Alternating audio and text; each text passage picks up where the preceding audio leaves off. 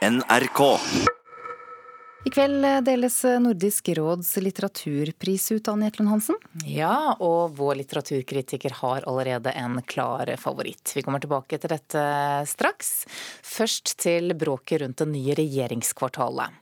Det er ikke overraskende at laget som ikke nådde opp i arkitektkonkurransen nå vurderer å ta saken til retten. Det mener vinnerlaget.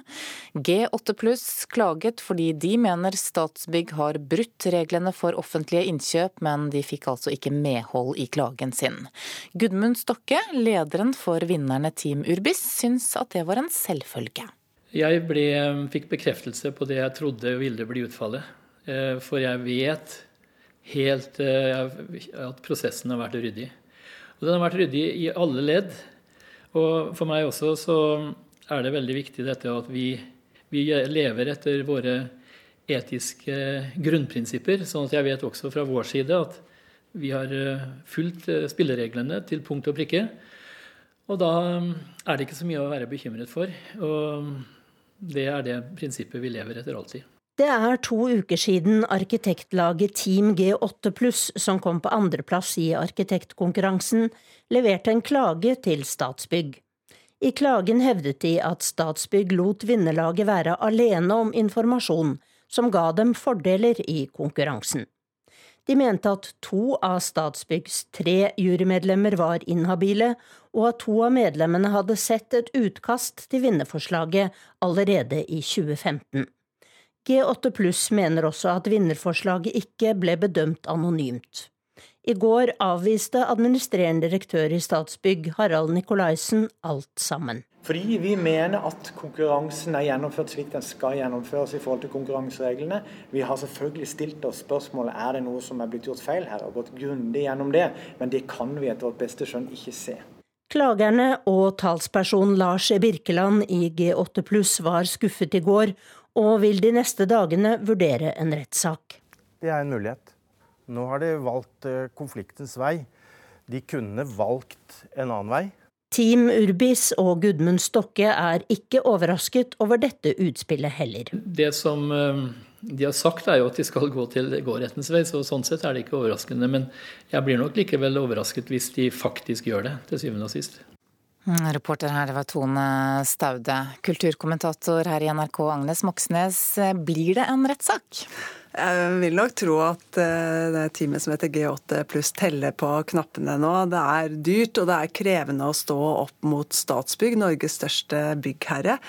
Her snakker vi om ti arkitektkontor pluss eh, minus som alle har jobbet for Statsbygg, og også skal jobbe for Statsbygg i, i framtida. Eh, og arkitekt, arkitekter har aldri liksom vært den tøffeste yrkesgruppa som har stått opp mot eh, mulige fremtidige oppdragsgivere. Derfor så var det også veldig oppsiktsvekkende da G8 pluss eh, faktisk leverte inn en klage på konkurransen om å, eller avgjørelsen av konkurransen om å tegne regjeringskvartalet. Ok, men Hvor lang tid har G8 pluss på seg? da? Hvor, når vet vi hva de bestemmer seg for? Jeg tror de har en, sånn formelt sett har en uke, men jeg vil tro at eh, de sitter og vurderer og går grundig gjennom denne avvisningen nå. og Så kommer det vel et svar fra dem i løpet av et døgn eller to, vil jeg tro. Mm. Det er altså et kjempeprosjekt dette her. Dersom arkitektene som ikke nådde opp mener at det er begått lovbrudd i denne prosessen, er det ikke da interessant for dem uansett å gå sammen da, og, og få prøvd det prinsipielle i denne saken for retten? Ja, det er jo flere spørsmål her. For det første så er det sånn at Statsbygg her evaluerte seg selv. Det var de som avviste klagen mot dem. Eh, og Det er jo nesten eh, komisk. Eh, man kunne jo ikke ventet noe annet. Hvis de hadde erkjent at de hadde dumma seg ut i en slik konkurranse, så hadde hodene begynt å rulle i Statsbygg i, i dag. Så det trengs en uavhengig evaluering.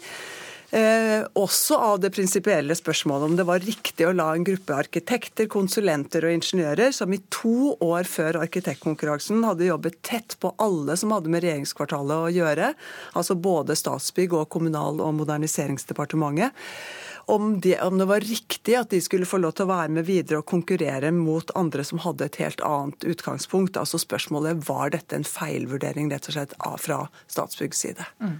Men dersom G8 pluss da ikke tar klagen sin til retten, kommer de da til å bli stående igjen som de dårlige taperne? eller? Nei, jeg syns ikke det.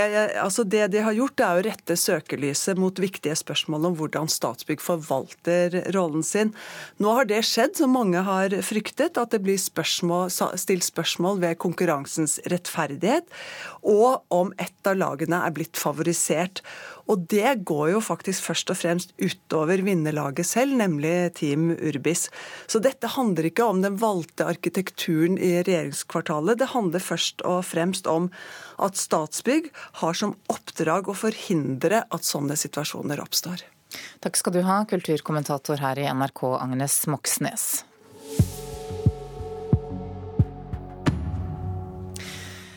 Nordisk råds priser deles ut i kveld, og den eldste av dem er litteraturprisen som er blitt gitt ut siden 1962. Det hele skjer i kveld altså i Helsingfors, og Marta Norheim, litteraturkritiker her i NRK, hvilken posisjon har denne prisen fått blant de litterære prisene? Jo, dette er, en, dette er en, stor pris. Altså, er ikke, den er ikke stor på en måte i mediebildet, men eh, den er stor på den måten at den blir lagt merke til. Eh, og Unnskyld. og og det er litt sånn at Hvis du har fått den prisen, eller blitt nominert til den prisen, så har du mye større sjanse som forfatter da, til å nå ut til et større og internasjonalt publikum. Blant annet så ser vi nå at eh, Henrik Nord-Hansen, den ene norske, skal bli eh, oversatt til, eh, til engelsk. Ja, for Han er altså eh, nominert med romanen 'Termin', en fremstilling av vold i Norge. Og også Vigdis Hjort eh, er nominert med boken 'Arv og miljø'. Har juryen plukket godt, syns du, fra fjorårets norske bøker? ja, det var jo en diskusjon etter dette valget, ikke minst når det gjaldt eh, Nord-Hansen, fordi han er jo ikke en veldig kjent forfatter. Det de har gjort, er å ta en veldig kjent og veldig etablert forfatter, og en ukjent, men også etablert forfatter, som begge har skrevet gode bøker. Eh, og jeg syns det er en god ting, for at det å, å, nominere til en pris er også en måte å synliggjøre forfatterskap som ikke liksom når eh, helt opp. Eh, forutsetningen er jo selvsagt at de skriver gode bøker. Mm, men har de en sjanse til å vinne? Jeg tror ikke Termin har en sjanse til å vinne. Jeg tror nok kanskje Vigdis Hjorth har en sjanse, ja. Mm. Hvilke er det som skiller seg ut i år, da, av de som er nominert? Ja, Dette er jo diskutabelt. Jeg leste akkurat Aftenposten og så at, at der var vurderingene annerledes enn mine, bare så det er sagt. Men jeg tenker som nevnt altså Vigdis Hjorth, og så tenker de to danske. altså Danskene kommer med veldig sterk litteratur her. Det gjelder også barne- og ungdomsbokprisen, som, som, også skal deles ut. Danskene er sterke. Det er eh, Kirsten Thorup, eh, 'Erindring om kjærligheten', og Christine Hesselholt med en bok som heter 'Vivian', om en eh, amerikansk street photographer som levde i det virkelige livet, og, som nå er død. Veldig spennende bok. Og så er det finske Laura Lindstedt, som har skrevet en bok som heter 'Oneiron', og som handler rett og slett om eh, hva som skjer etter vi dør. Og da er ikke det liksom det evige livet og paradiset, men det er liksom rett etter døden. Hva skjer da? Da skjer det faktisk mye rart, ifølge Lindstedt. Ok, og Hvem er din favoritt, da? Altså Min favoritt er danske Kirsten eh, Thorup. Hun syns jeg har skrevet en ufattelig rik og spennende og mangefasettert og trist og morsom og tankevekkende og aktuell bok. Mm. Du tror at det blir henne? Eller? Ja, jeg ja, altså, håper og håper. Altså, jeg syns hun har skrevet den beste boka, men, men jeg går jo ikke i kjelleren om, om prisen går til Vigdis Hjorth, f.eks. Du har også i mange år lest alle disse nominerte bøkene hvert eh, eneste år. Hva har det gitt deg? Altså, Jeg føler jo jeg sitter på en litt sånn hemmelig skatt. fordi at eh, det er jo, Vi leser jo veldig lite nordiske bøker. Vi kan jo veldig mye mer om amerikansk litteratur enn om, eh, om svensk, f.eks. Og det er jo en av, en av paradoksene med eh, hvordan vi orienterer oss kulturelt. Um, altså Det jeg ser, er at uh, de ulike landene Det fins noen sånne små nyanser. Du kan tenke å ja, den her er typisk islandsk, kanskje, eller typisk fra Grønland. Uh, de, de svenske svenske, danske og norske eh, kan være litt vanskeligere å liksom se at er typiske. Det er heller ikke det mest spennende med dem. Det du får tilgang til, er liksom en håndplukka og juriert eh, liten bukett av eh, høykvalitetslitteratur som noen liksom eh, jobber fram hvert år, og det syns jeg er en utrolig bra ting. da. Nå er jeg glad i Norden, eh, eh, så, så, for meg er dette her en, en stor ting, og en stor dag. Mm. Du kan lese mer om de som er nominert på nettsidene våre nrk.no bok. Det skal fortsatt handle, handle, om litteratur her i Nyhetsmorgen. Bokdebutant Bushra Ishak har skapt debatt med sin bok om muslimer i dagens Norge. I boka svarer norske muslimer på hva de mener om bl.a. kvinnesyn, oppslutning om demokratiet og radikalisering. Og litteraturkritiker her i NRK, Leif Ekle, hva slags bok er dette blitt? Eh, jeg har kalt det et kampskrift, eh, og jeg tror nok det først og fremst er det. Eh, et kampskrift for toleranse og for kunnskapsbasert debatt. Aller mest det siste, da.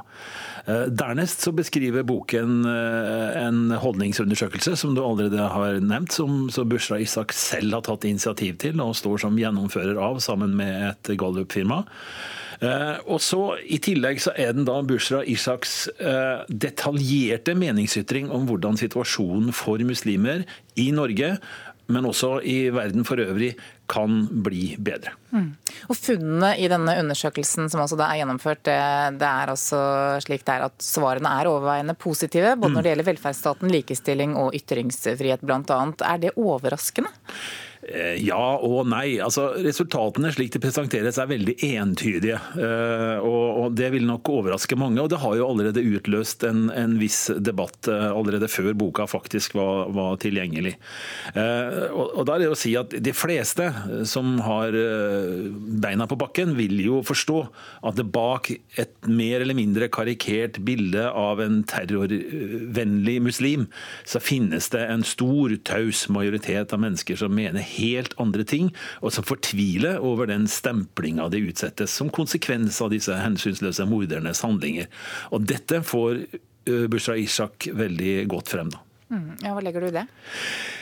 Eh, Altså, det kan være en fare for at boka tar så forbehold, så få forbehold, når, når, når resultatene fra undersøkelsen fremstilles, at Eh, at, at det bryter for sterkt med de mellommenneskelige erfaringene som, som folk har eh, i møte med, med hverandre.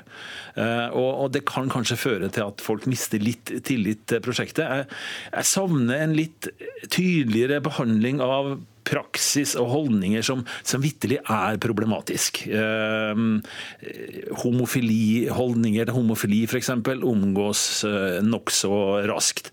Eh, og entydigheten i resultatene burde kanskje nyanseres, også for å nå frem til lytteren.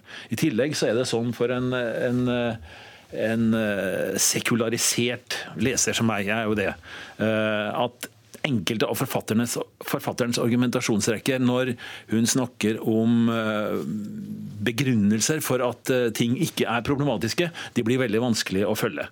Um, ikke fordi det er vanskelig å forstå hva hun skriver, men, hun bruker ofte teologer fra mange hundre år tilbake, muslimske teologer, og deres utsagn som begrunnelse for, eh, for, sine konklusjoner. Eh, og sier at han sa det da, nå, nå, forenkler jeg litt, da, men han sa det da, og derfor er dette ikke et problem.